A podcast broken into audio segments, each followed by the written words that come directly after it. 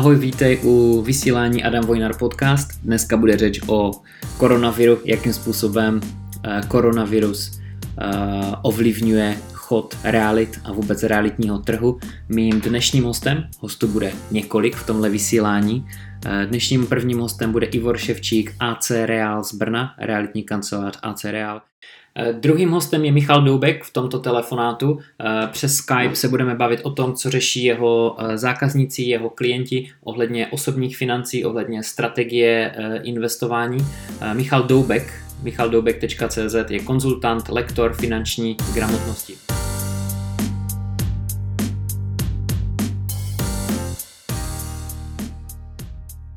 Ivor Ševčík je taky investor a e, staví developerské projekty. Povídat si budeme o tom, jak ho a jeho e, firmy ovlivňuje e, koronavirus a nařízení české vlády. Budeme si taky povídat o tom, jak nahlížet vlastně na to, jestli už jsem v nákupu nemovitosti, jsem v procesu nákupu, jestli mám pokračovat, doklepnout to do konce, nebo mám naopak eh, odejít s nějakou ztrátou, když už mám podepsanou rezervační smlouvu. Takže Ivor Ševčík eh, nám dá v tomto rozhovoru svůj náhled na tu věc a taky nabídne svoje dlouholeté zkušenosti. Tak, tady je první host Ivor Ševčík.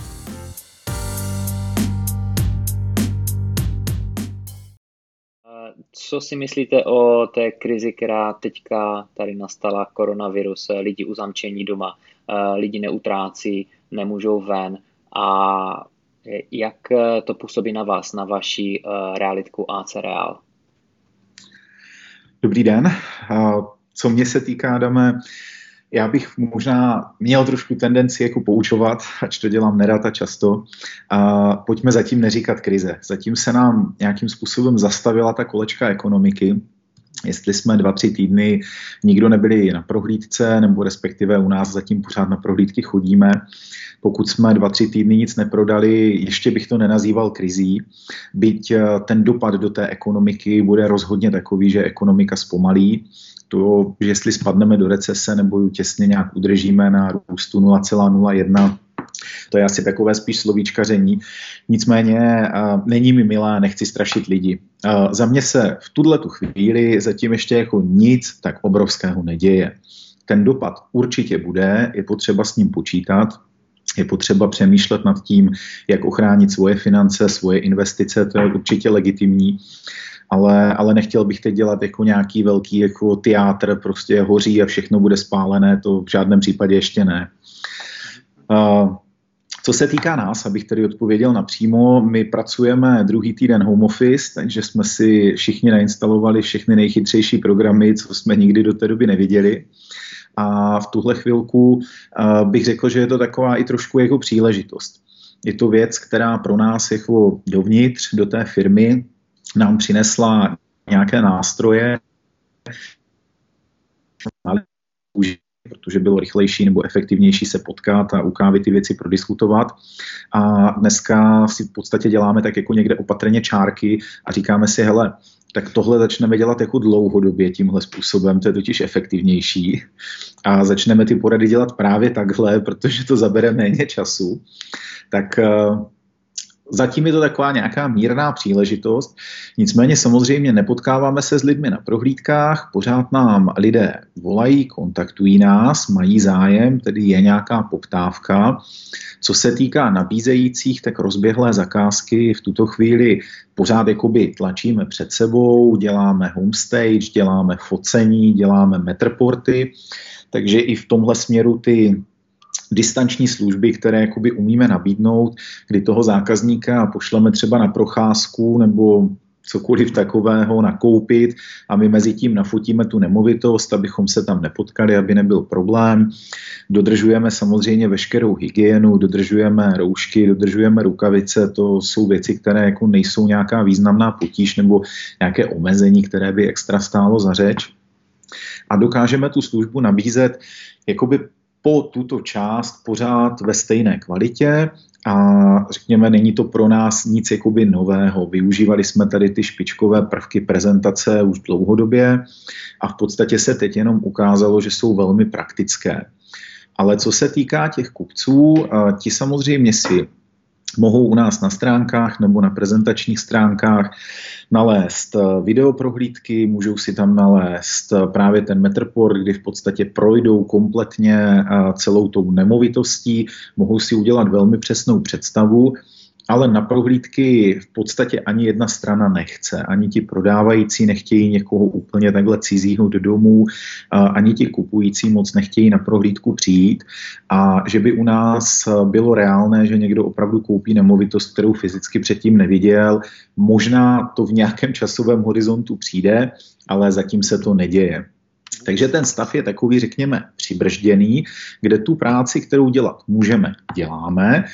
Komunikujeme i s těmi kupci, připravujeme jim nějaké analýzy, podklady a podobně, ale nejsme schopni dotahovat tedy ty obchody v tuto chvíli do konce. Samozřejmě za nás pracujeme i na těch distančních formách, třeba smluv, podpisů. Já to mám jako nějaký úkol pro letošní rok, který jsem si vytýčil už v loňském roce, že se chci dostat do stavu, že budeme mít plně elektronické podpisy, možnost vlastně podpisu na iPadech, smluv a podobně. Udělali jsme v tom nějaký kus práce. No a teď se ukázalo, že vlastně to bylo správné rozhodnutí, jenom jsme ho měli udělat o něco rychleji a byli bychom ještě o něco lépe připraveni na tu situaci. Mhm. Ono by se ale mohlo stát, že vlastně lidi, eh, zákazníci by moc neměli třeba zájem to využívat vůbec, protože necítili tu, tu potřebu. A český člověk je pořád zvyklý eh, ten papír mít v ruce a přijít a podepsat a vidět se eh, osobně, jako to jsou takové spíše moje postřehy.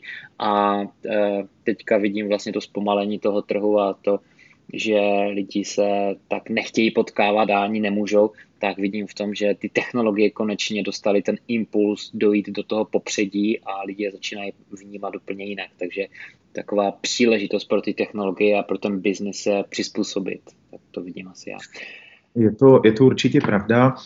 Já věřím tomu, že to bude i nějaká velká příležitost pro digitalizaci toho státního aparátu, protože samozřejmě spoustu věcí jakoby máme distančně problém už, protože ten stát je neumí, že jo, stát jako neumí vydávat eh, nějakým jako rozumným gardu, třeba LVčka z katastru a podobně. Jo, jsou to, jsou to věci, které určitě mají nějaký potenciál bráno čistě jakoby z toho našeho oboru, teď nemluvím o zakládání firem nebo nějakých takových sofistikovaných krocích, ale určitě i ten stát eh, podstatě u toho bude schopen pochopit, věřím tomu, že spousta věcí lze dělat digitálně že tu lidskou sílu je potřeba nějakým způsobem šetřit, eh, protože je za jednak drahá, za druhé méně efektivní. Mhm. Eh, stává se vám, že eh, zákazníci zase z druhé strany, ti prodávající, co prodávají ty nemovitosti, že třeba je stahují z nabídky, si říkají, než mít tu nemovitost třeba půl roku nebo několik měsíců vůbec netknutou, že se na ní nikdo nepodívá, tak ji radši stáhnu. Stává se to?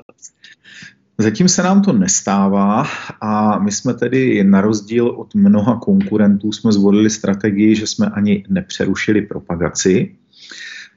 Je to vidět samozřejmě na serverech, to je jednoduchá veřejně dostupná věc, jak prudce se propadl objem nabídek je samozřejmě možné, a nemám to takto nastudované až do detailu, že mnoho z nich byly právě třeba nabídky eh, které byly neexkluzivní, takže tam mělo více realitek a vlastně najednou si uvědomili, že v tu chvíli jako nejde dělat ten klasický boj, který mezi sebou vždycky vedli a nějaké pošťuchování se, a, takže si myslím, že i tohleto a možná i v kombinaci s platností nového zákona o realitním zprostředkování, který vlastně vyžaduje písemnou formu realitní smlouvy, tak ovlivnilo ten rozsah té nabídky. Nicméně si myslíme, nebo i vnímáme, že zmizelo i mnoho nabídek, které byly skutečně kvalitní v pořádku a ty realitní kanceláře si řekli, dobrá, my teď budeme šetřit finance a začneme tu nemovitost znovu propagovat, až to bude mít smysl případně tam může být i tlak ze strany těch prodávajících. My jsme ten tlak nejenže nezaznamenali, ale sami bychom se spíš pokoušeli jít opačným směrem a to výhradně z toho důvodu, že my si myslíme, že teď spousta lidí má čas a těmi nemovitostmi právě brouzdá. Naše propagace je velmi kvalitní, je opravdu připravená tak, že se z ní eh, dá vyčíst maximum a my v podstatě teď sbíráme nějaké kontakty, se kterými budeme dál pracovat. I ti lidé, kteří se nám ozývají, ze strany těch kupců, tak většinou netlačí na pilu, uvědomují si, že to má jakoby nějaký čas, po který to nejsme schopni úplně zcela dobře řešit. A nemyslím si, že je správné pro ty prodávající teď vlastně jakoby z toho trhu zcela odejít. Mm-hmm. A co potom nakupující? Netlačí třeba zase oni zase na druhou stranu, že teďka cítí nějací investoři příležitost e, usmlouvat ty ceny a netlačí třeba na cenu? Buď pro toho, Já aby ten prodávající myslím, měl příležitost že je to ještě brzo. Mm-hmm. My jsme to nezaznamenali, ale obecně si myslím, že je to brzo. Pokud jsou jakoby na trhu, řekněme, nějací trošku predátoři, žraloci, kteří vnímají a cítí tu příležitost, která tady určitě v nějakém časovém horizontu bude, je jenom otázka kdy a v jakém rozsahu, tak si myslím, že vyčkávají. Jo, nemají důvod, aby teď někde radikálně běhali po tom trhu a říkali, hele, já prostě koupím tady na pas blind byt, který jsem neviděl, dejte mě 5% slevu a 20% mu teď nikdo nedá. Mm-hmm. To je obrovský rozdíl oproti eh, akcím, že jo, kde prostě akcie šly dolů, ze dne na den začaly klesat úplně šíleným tempem a nakoupit a prodat se dá vlastně během vteřiny, když to u nemovitosti to trvá měsíce. Za prvé ty akcie jsou jakoby nesmírně rychlé. Za druhé, ten akciový trh jakoby na ty spekulace je zvyklý, že jo? je tam jako hromada hráčů, kteří mají jako obrovské balíky peněz. Teď se samozřejmě bavme o tom, my jako developer máme letos před dokončením řádově třeba 50-60 jednotek. Kdyby vůči mě přišel někdo tak silný, kdo prostě řekne, já teď koupím všechny a dám vám jako jistotu, že nad tím nemusíte přemýšlet, no tak se s ním asi o něčem budu bavit ale pokud vy prodáváte byt po babičce, tak vlastně nemáte důvod úplně kleknout na kolena jako na první dobrou. A co je další věc u toho akciového trhu, je tam vlastně znalost toho produktu. Jo, já když vám teď budu popisovat eh, dům, ve kterém sedím a můžu vám tady točit kamerou, ať máte nějakou představu, ale pořád je otázka, jestli se rozhodnete ho koupit. Když vám řeknu akcie Čezů, že jo, tady prostě hmm. strategie, výstupy za posledních 10 let, za 15 minut to máme spolu dokonale prostudovaný a můžeme si říct, že když to na dividendě dává X, tak to chceme a hotovo. Jo. Tam nejde Takže o ten produkt jako takový, abych si ho potřeboval osahat eh, jako nemovitost, to jasně. A samozřejmě nemovitost je pocit, zejména pokud v té nemovitosti máte bydlet tak eh, pak ten pocit nějakým způsobem potřebujete. Já to doporučuji i lidem, kteří kupují investiční byty. Eh, samozřejmě už jsme spolu na pár debatách se o tom bavili. Určitě je výnosné koupit byt v Mostě a pronajímat. Rozhodně to není ani v zásadě blbost, nic takového ale já se vždycky držel a každému říkám tu strategii, kupuju jenom byty, ve kterých vím, že já bych chtěl žít. Byť prostě teď třeba se do jedna KK se čtyřmi dětmi nevlezu, ale vím, že kdybych byl sám, tak v takovémhle bytě bych se cítil dobře a prostě na tom místě je mi příjemně. Uh, začíná uh, to ovlivňovat vlastně celé to, ten, ten trh začíná ovlivňovat nájmy? Nebo myslíte si, že ještě nájmy vůbec to neovlivňuje a nějakou dobu ještě vůbec nebude? Ehm, já na to neumím říct úplně názor, protože na trh eh, dlouhodobých nájmů může přijít poměrně velké množství bytů z Airbnb. A to může s tím trhem jako udělat spoustu specifických věcí.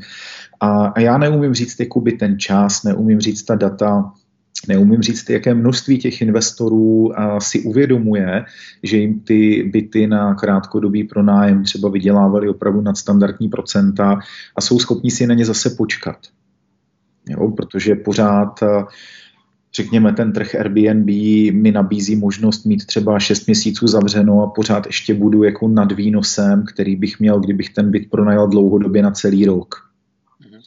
A, a to množství jakoby těch nemovitostí, které se třeba na tom trhu objeví, je, je teď pro mě neidentifikovatelné. Určitě bychom měli asi rozlišovat ty tři základní trhy, řekněme Praha, Brno a zbytek republiky, byť to také velmi paušalizuju ale v Praze může dojít k obrovskému ovlivnění právě tím trhem Airbnb. Na druhou stranu Praha i Brno má zoufalý nedostatek nemovitostí k bydlení. Takže i pokud by se na trh vrhlo 5-8 tisíc nějakých bytů, které by vyskočily z téhleté škatulky, tak to s tím trhem zahýbe na rok a po roce vlastně budeme zase tam, kde jsme byli. A pak je otázka, co se stane s trhy, řekněme, v nějakých uh, lokálních místech, kde se ten trh jako opravdu hýbe málo, uh, teď už to budou nějaké uh, příhraniční oblasti, prostě ta města, kde opravdu se prodává pár bytů, ta cenová hladina není až zase tak vysoká, tak uh, s tím malým množstvím transakcí eh, se může stát, že opravdu zahýbe i relativně jako malé pohyby na tom trhu. Může to být eh, dva, tři zkrachovalé hotely v okolí, které se někdo rozhodne přestavět na byty a rozprodat, tak vlastně můžou ten trh, kde dochází třeba k 20-30 pohybům ročně, tak najednou nabídka 100 bytů ho může úplně zrujnovat a zhroutit. Mm-hmm. Ivore, vaše firma taky staví e, nemovitosti a developerské projekty. Máte teďka něco rozestavěného v případě, že máte, ovlivňuje vás to nějak při tom procesu té stavby? Nám v tuhle tu chvíli aktuálně běží čtyři stavby. Zatím, doufám, že je to ze dřeva, ani, ani jednu stavbu nemáme zastavenou, nejsme nějak jakoby markantně ovlivněni a věříme, že nás to neovlivní ani na tom trhu v budoucnu, vzhledem k tomu, co stavíme. Já bych jako obecně tady na tu predikci pořád jako řekl, je strašně brzo a řekněme si jako upřímně, že se zatím vlastně nic nestalo. Byť mnoho lidí by mě teď možná chtělo ukamenovat, my máme mimo jiné se společníkem v Brně i tři restaurace, a tam už se stalo. Všechny restaurace jsou dneska na pokraji konkurzu. Platí všem zaměstnancům plnohodnotnou mzdu nebo respektive 80%, ale to pořád není žádný zázrak. Platí nájmy a mají vlastně příjem nula. Takže určitě za to globálně je tady obrovské množství lidí, kteří jsou fakt v průseru, ať už jsou to hospočtí, hoteliéři, jsou to autodopravci, kteří mají třeba na dvoře na leasing 50, 80 aut a najednou mají o 100% třeba dokonce pokles poptávky. Takže to, to teď určitě nechci, aby se na mě snesla vlna kritiky. Jako bohužel spousta lidí, když tak to v nejhorším vypípete, je fakt v prdeli v tuhle chvíli. Ale globálně vzato a pro celou ekonomiku se ještě nic nestalo. Kdyby to mělo zítra skončit, jakože všichni víme, že to tak nebude, ale tak se z toho vyhrabem. Za dva měsíce si o tom budeme maximálně povídat u piva. Jestli to bude trvat ještě měsíc, dva, tři, jestli hranice budou zavřené, nedej bože, když si teda politici troufnou říct, že dva roky, tak to už věřím, že snad nesmysl, ale i kdyby to bylo třeba půl roku, tak tam už opravdu ty dopady budou obrovské a neumíme je dneska jako dokonale ani domyslet. Na jedné straně množství investic zůstane v zemi. Mnoho lidí, kteří si chtěli koupit eh, chalupu na lyžování v Rakousku nebo si chtěli koupit dům někde u moře, tak si koupí něco v Čechách, že jo, utratí ty peníze tady. Spousta firm tady udá zboží, které by třeba jinak o něj nebyl zájem, že by se dovezlo levnější z dovozu a podobně. A samozřejmě bude i spousta těch negativ. Cestovní ruch je obecně obor, který vlastně se teď sahá na úplně totální dno. Takže jakoby bude to velmi individuální. Někomu to něco málo pomůže, někomu to může hodně ublížit a teď bude záležet na tom, jak to bude trvat dlouho, a co všechno to zasáhne. A to je trošku i jakoby odpověď eh, na ten realitní trh. Podle mě se jako v tuhle chvíli neděje vůbec nic a nebude se dít nic ještě ani za 14 dní. My všichni makléři to úplně hladce doženeme, jestli jsme za měsíc neprodali, nevím, dvě, tři, pět nemovitostí u těch nejlepších na hlavu, tak to prostě rozložíme, příštích pět měsíců dáme každý o jednu navíc a jako vlastně se nebude vůbec nic dít. Hmm. Ale pokud dojde opravdu k tomu, že lidé budou mít masivně strach, nebudou peníze na trhu, samozřejmě to může přinést i nucené prodeje. Spousta lidí si možná ještě v tuhle chvíli neuvědomuje, že na trh se dostanou nemovitosti, které budou lidi prodávat opravdu z nouze. Právě ti hospočtí nebo právě ti lidé z cestovního ruchu a přestože si třeba chtěli nechat být po babičce a pronajímat ho, tak prostě budou muset zachránit to svoje podnikání a přinést tam peníze. A tím pádem ten pohyb opravdu jako může být všemi směry a myslím si, že dneska ho nedokáže jako nikdo dokonale predikovat. Uh-huh. Jestli ten nátřesk v úvozovkách nemovitostí na trhu a bude dobrý, špatný, nebo jestli naopak se posílí, že budou lidé držet byty na pronájem, protože lidé nebudou kupovat, ale za pronájem budou ochotní platit, protože budou muset. Opravdu je strašně brzo říct, co všechno se bude dít a jak na to bude reagovat stát. Mm, už teď víme, že Česká národní banka snížila o půl procentního bodu repo sazbu. Je možné, že ten vývoj bude takový, že půjdeme znovu na nulu. Je možné, že bankéři si uvědomí, že právě v tom bankovním sektoru je nadbytek peněz, protože i banky jakoby avizují už v tuhle chvíli nám jako developerům, že se nám nebojí půjčovat, že nám chtějí půjčovat, protože vědí, že ty peníze někam udat musí. A běžné spotřebitelské úvěry, kde spousta lidí by odjela na dovolenou za úvěr, tak prostě ty nebudou. A, takže je možné, že banky si na ČNB vynutí, nebo ČNB sama rozhodne, že se budou znovu dávat třeba 100% úvěry, aby té ekonomice pomohly. A najednou se může stát, že v tom horizontu třeba 6-9 měsíců ty nápravné opatření smažou ten nárůst třeba nemovitostí na trhu a naopak to ještě povede k mírnému růstu. To, to nikdo nedokáže říct, jako, jak ten koktejl všechny ty okolnosti kolem namíchají. Eh, co byste poradil někomu, kdo je v uprostřed nákupu nemovitostí a už slouži, složil nějakou kauci a podepsal eh, rezervační smlouvu? Koupit, nekoupit, jak se na to díváte vy?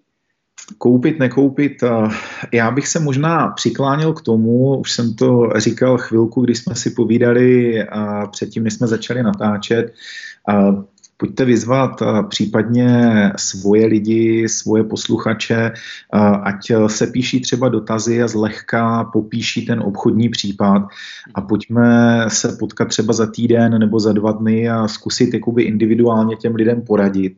Případně klidně pište, mailujte, rádi vám dáme nějaký názor.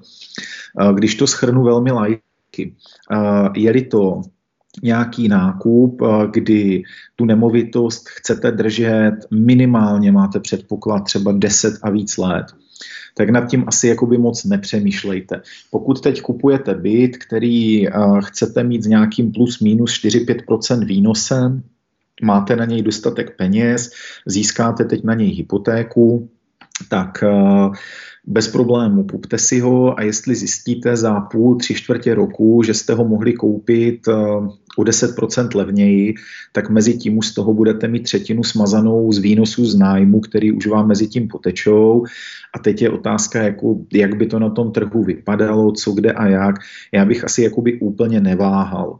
Pokud si chcete koupit něco na bydlení, víte, že tam chcete žít, nedostali jste se teď tou aktuální situací opravdu do stavu, že máte vážné, vážné pochyby o tom, že se budete schopni ekonomicky zajistit, tak v tom nákupu pokračujte.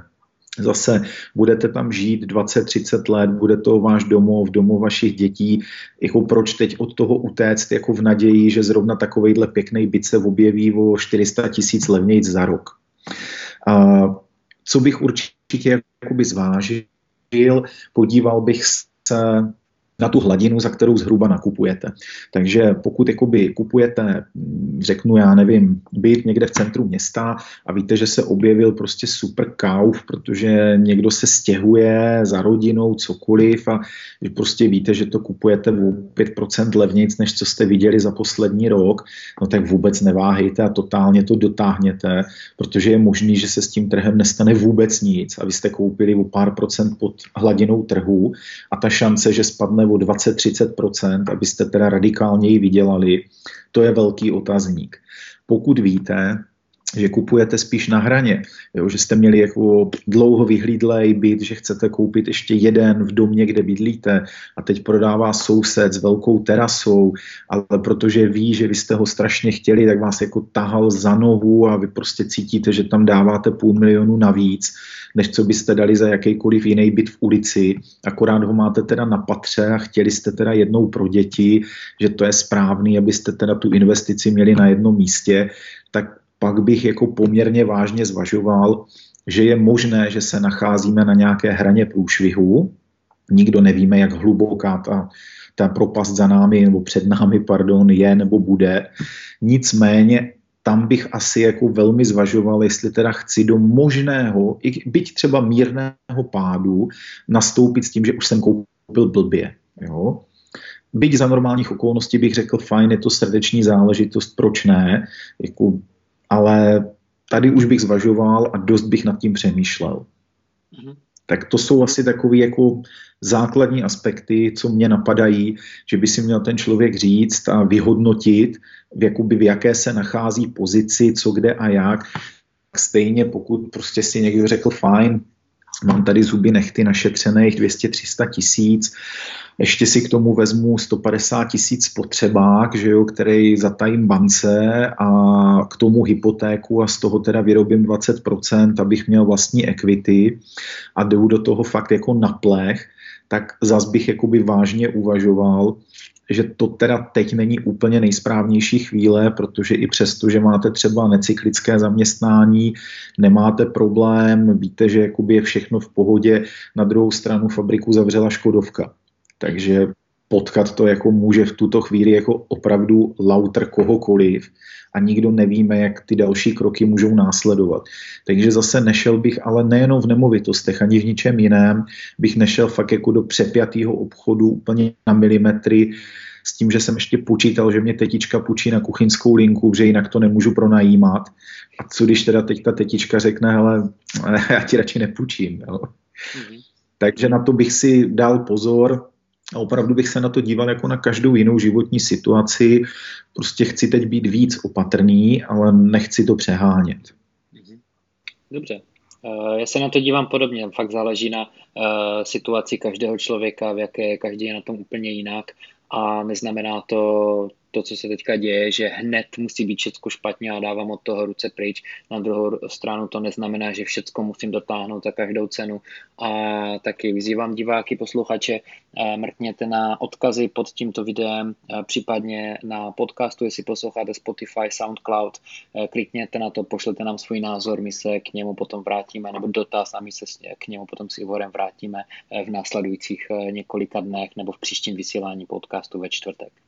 Tak jo, děkuji Ivore za váš čas, děkuji za uh, náhled uh, na tuto situaci s koronavirem, která teďka uh, nastala a ještě jednou díky a uvidíme se příště. Není začadame, já děkuji za prostor a věřím, že posluchačům něco přinesl. Hmm. Hezký den.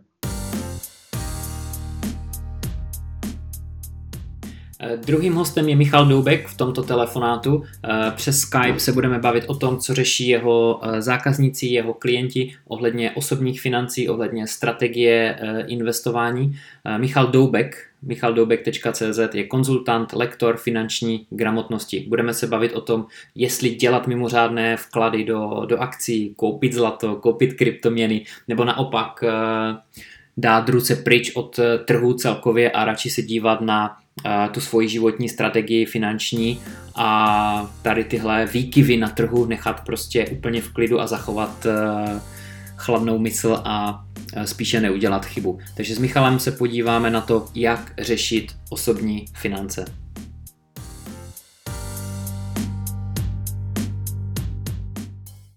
No, eh, když budu mluvit za sebe, tak já se musím přiznat, že uh, u svých klientů zatím teda žádný strach uh, moc jako nepocituju. takže, takže možná žiju v nějaký, uh, v nějaký bublině, anebo je to tím, že prostě máme dobře nastavený finanční plán. Mm-hmm. Tím pádem ti lidi mají dostatek finančních rezerv mm-hmm. a jsou vlastně připraveni i na to, kdyby třeba přišli o práci nebo se jim výrazně snížil, snížil příjem a podobně. Naštěstí ta karanténa Eh, nemá jakoby na většinu lidí vliv, co se týče příjmů. Eh, ten stát něco doplácí, firmy něco doplácí, eh, takže znamená zatím nějak, jako co já jsem odvolával klienty, tak všichni fungují tak, jak mají. Někteří chodí fyzicky do práce, někteří můžou mít home office, mm-hmm. ale výplaty zatím chodí. Takže uh, otázka je, jak to samozřejmě bude třeba za měsíc, za dva. Na druhou stranu já jsem optimista, myslím si, že za měsíc, za dva už se jako vrátíme pomaličku do nějakého toho normálního stavu, takže by to nemusel mít ani tak jako velký, velký dopad, uh, velký dopad na ty, na, na ty příjmy. Takže nejvíce asi uh, mluvíš s lidma, kteří jsou zaměstnanci spíše než podnikatele? Uh, jo. Je, fa- je, je fakt, že jenom je, je fakt, že uh, včera, myslím, nebo předevčírem, tak, uh, tak mě psalo pár lidí, živnostníků, kteří třeba pracovali jako kontraktoři mm-hmm. pro nějakou jednu firmu nebo pro dvě firmy, tak samozřejmě eh, pokud ta firma nemá peníze, tak tady tyhle lidi vyhodí jako, jako první. Ano. Takže tady se ukazuje nevýhoda jako práce, práce, práce na, živ, na živnost, protože zaměstnance tak snadno nevyhodí, nebo by jim museli dát samozřejmě velký odstupný, což ty firmy zase nemají a tak dále. Mm-hmm. Ale na to by prostě člověk měl mít, být jako připravený. Tohle má zaměstnanec určitou výhodu, ale tak to se ví od jak živa, jaké jsou výhody, nevýhody zaměstnance nebo podnikatele. A když už jsem podnikatel nebo živnostník, o to bych měl mít právě větší rezervy a měl bych mít o to víc důležitější mít ten krizový plán a vlastně počítat s tím, kdyby ty příjmy, příjmy nebyly. A tak nějak já očekávám, že když třeba živnostníci často, když za mnou přijdu na konzultaci, tak řeší, eh, když nebudou moc vydělávat, mm-hmm tak ne, a neplatí si dobrovolně nemocenské pojištění, co si většina živnostníků neplatí, bez to nevyplatí, tak eh, vlastně přijdou o celý, o celý příjem, nebudou mít vůbec, vůbec nic. Takže oni právě si myslím, že jsou i na tuhle situaci jako docela dobře, dobře připravení a že by to snad měli, měli zvládnout. No, ti lidi. Co radíš, to těm, co radíš těm živnostníkům v těchto těch případech, když za tebou přijdou a e, konzultují tady tohle s tebou? E, kolik by třeba měli e, mít naspořenou nebo e, jak by to měli vlastně řešit? Ono je to samozřejmě jako těch pouček, já jsem to včera zrovna jsem to psal na sociální sítě i do jednoho novinového článku, že uh, standardní poučka je několika násobek uh, jakoby měsíčních výdajů nebo měsíčních příjmů. Takže samozřejmě úplně ta nejideálnější varianta je mít rezervu na celý rok. A samozřejmě to neznamená, že i to mám pod polštářem nebo na běžném účtu. Můžu využívat nějaké třeba, já nevím, krátkodobé termínované vklady nebo krátkodobé dluhopisy, ať už státní nebo korporátní mm-hmm. a podobně. Měl bych to mít nějak rozdělený, protože samozřejmě ty peníze na celý rok já nebudu potřebovat hned, takže ta likvidita nemusí být do druhého dne. Ale ideálně ta rezerva celková, ta rodina by měla být na ten, na ten rok.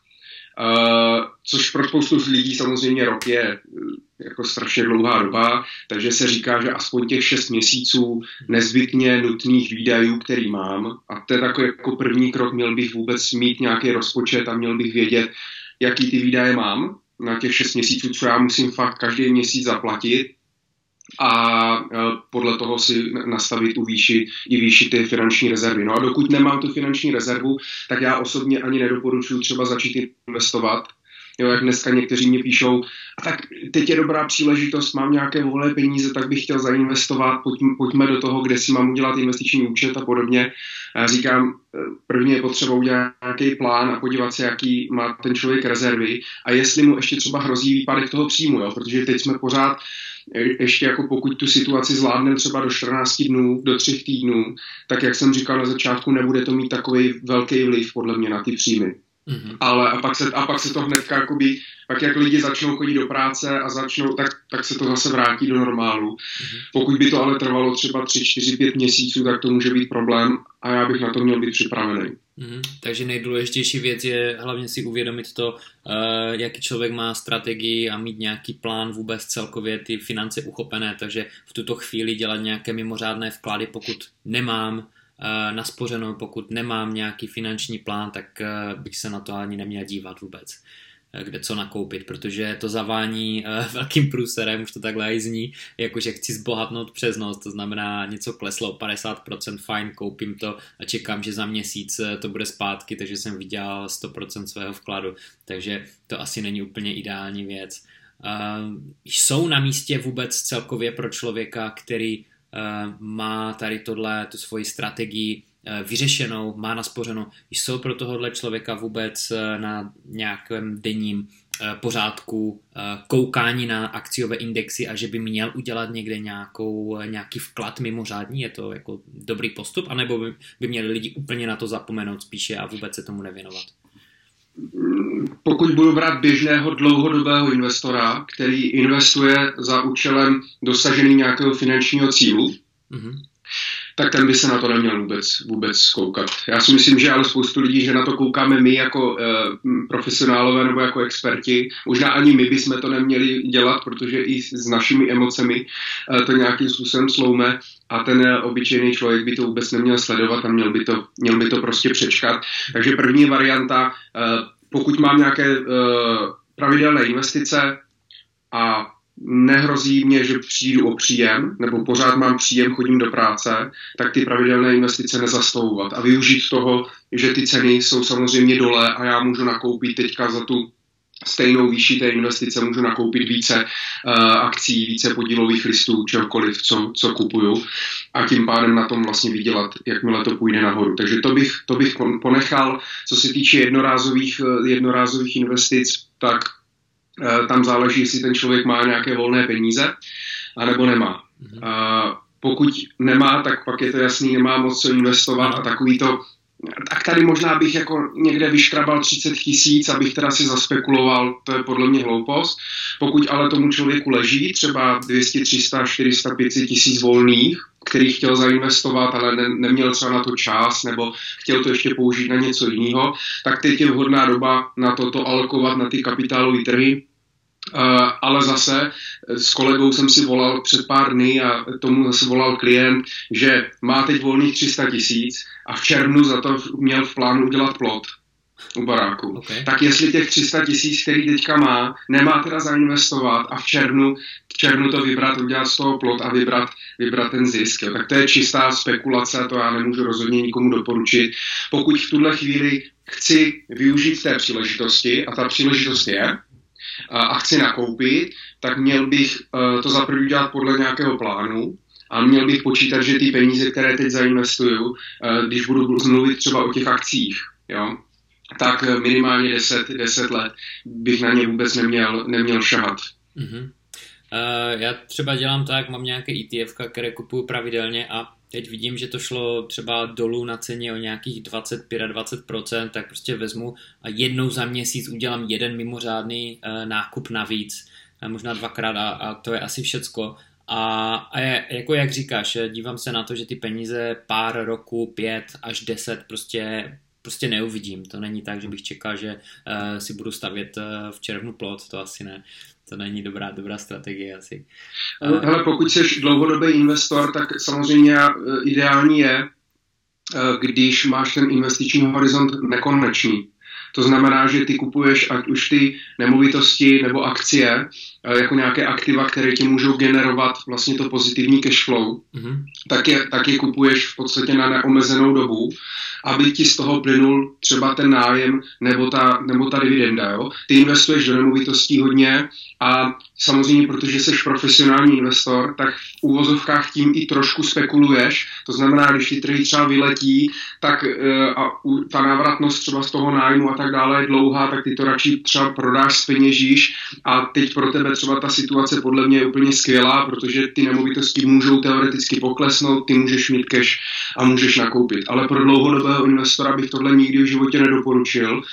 E, ten má prostě koupit nemovitost, má ji držet do své smrti, z toho mu plyne nějaký nějaký výnos, pak to podědí další generace a ta zase eh, to bude držet, jo, a stejně tak jsou i podíly ve firmách nebo ty akcie, měl bych to držet kvůli tomu, aby z toho pak mohl čerpat třeba nějakou rentu ve formě právě ty dividendy a tím pádem mě vůbec jako nezajímá, jestli ta cena je takhle nebo, nebo takhle, mě zajímá, jestli mě to nese, eh, nese, nese to ovoce.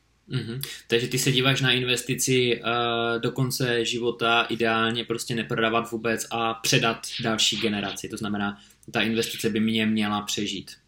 Přesně tak. To je jako ideální, ideální varianta. Mm-hmm.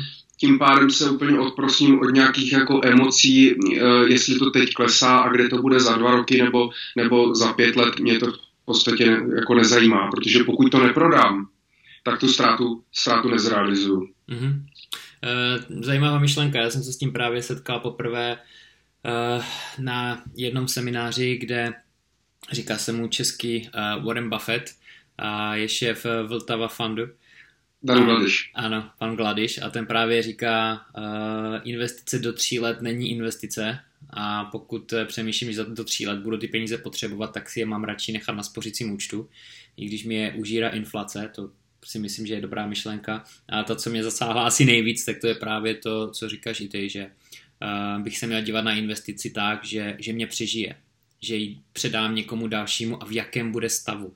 To znamená, že když tímhle způsobem uvažuju na horizonty dekád, prostě nevím, kolik je, našim posluchačím roku, tak uh, bych řekl, že 90% věcí, které se mi objeví na stole, že nad nimi vlastně přemýšlím, že do nich investuju, tak jde pryč okamžitě.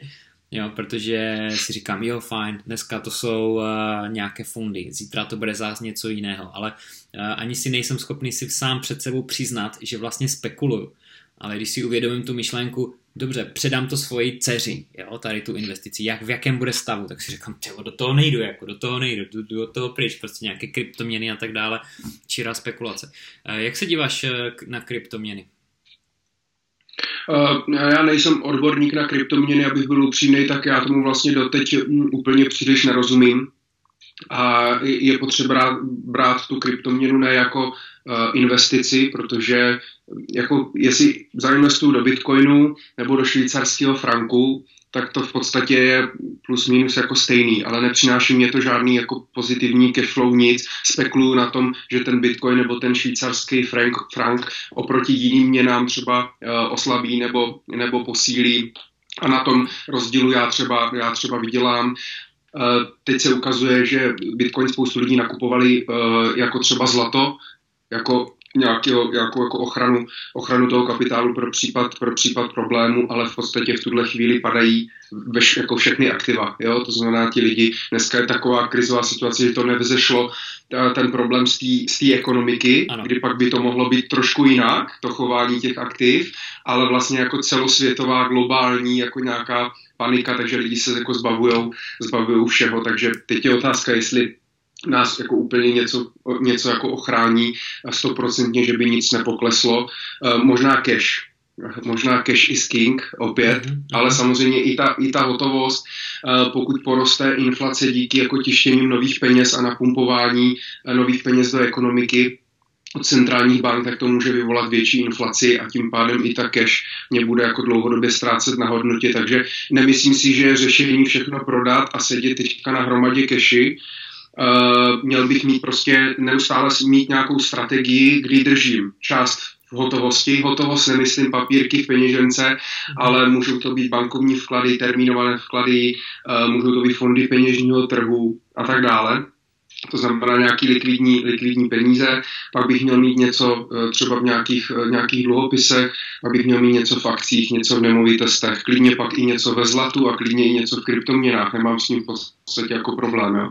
Ale měl bych vlastně mít nějakou strategii a té se držet. Mm-hmm. A ať už je ta situace na těch trzích, uh, trzích jakákoliv, nedělat impulzivní rozhodnutí, neměnit tu strategii jenom proto, protože mám pocit, že mě něco uteče, nebo že soused tam něco kupuje, nebo že nový nový články něco.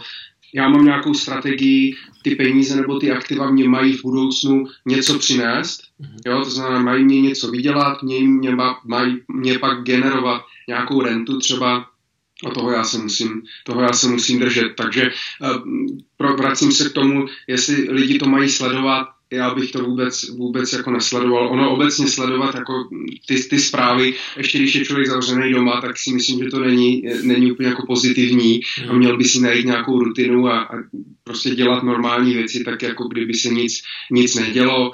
A jak říkám, držel bych se toho svého finančního plánu.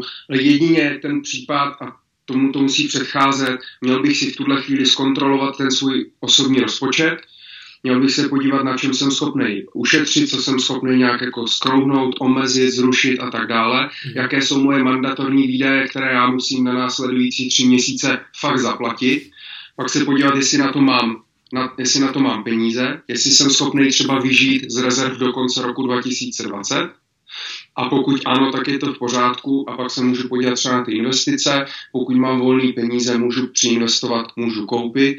Pokud ale vím, že ty rezervy nemám, nebo ty výdaje já nepokryju, nebo může mě hrozit, že za dva měsíce přijdu o práci a do konce roku to nezvládnu, tak eh, pak bych naopak prostě e, příležitost, nepříležitost, prostě klidně bych zrušil i dočasně e, pravidelné investice, co mám třeba do fondů nebo do ETF a tak dále a radši bych vlastně ochránil tu rodinu uh, tou, tou, tou rezervou v té hotovosti. To je podle mě stěžejní a uh, to, že prostě uteče nějaká příležitost, tak zase bude jiná. Já si myslím, že jako není to ani první, ani poslední nějaká krize, mm-hmm. jo, nebo nějaký problém, který budeme řešit.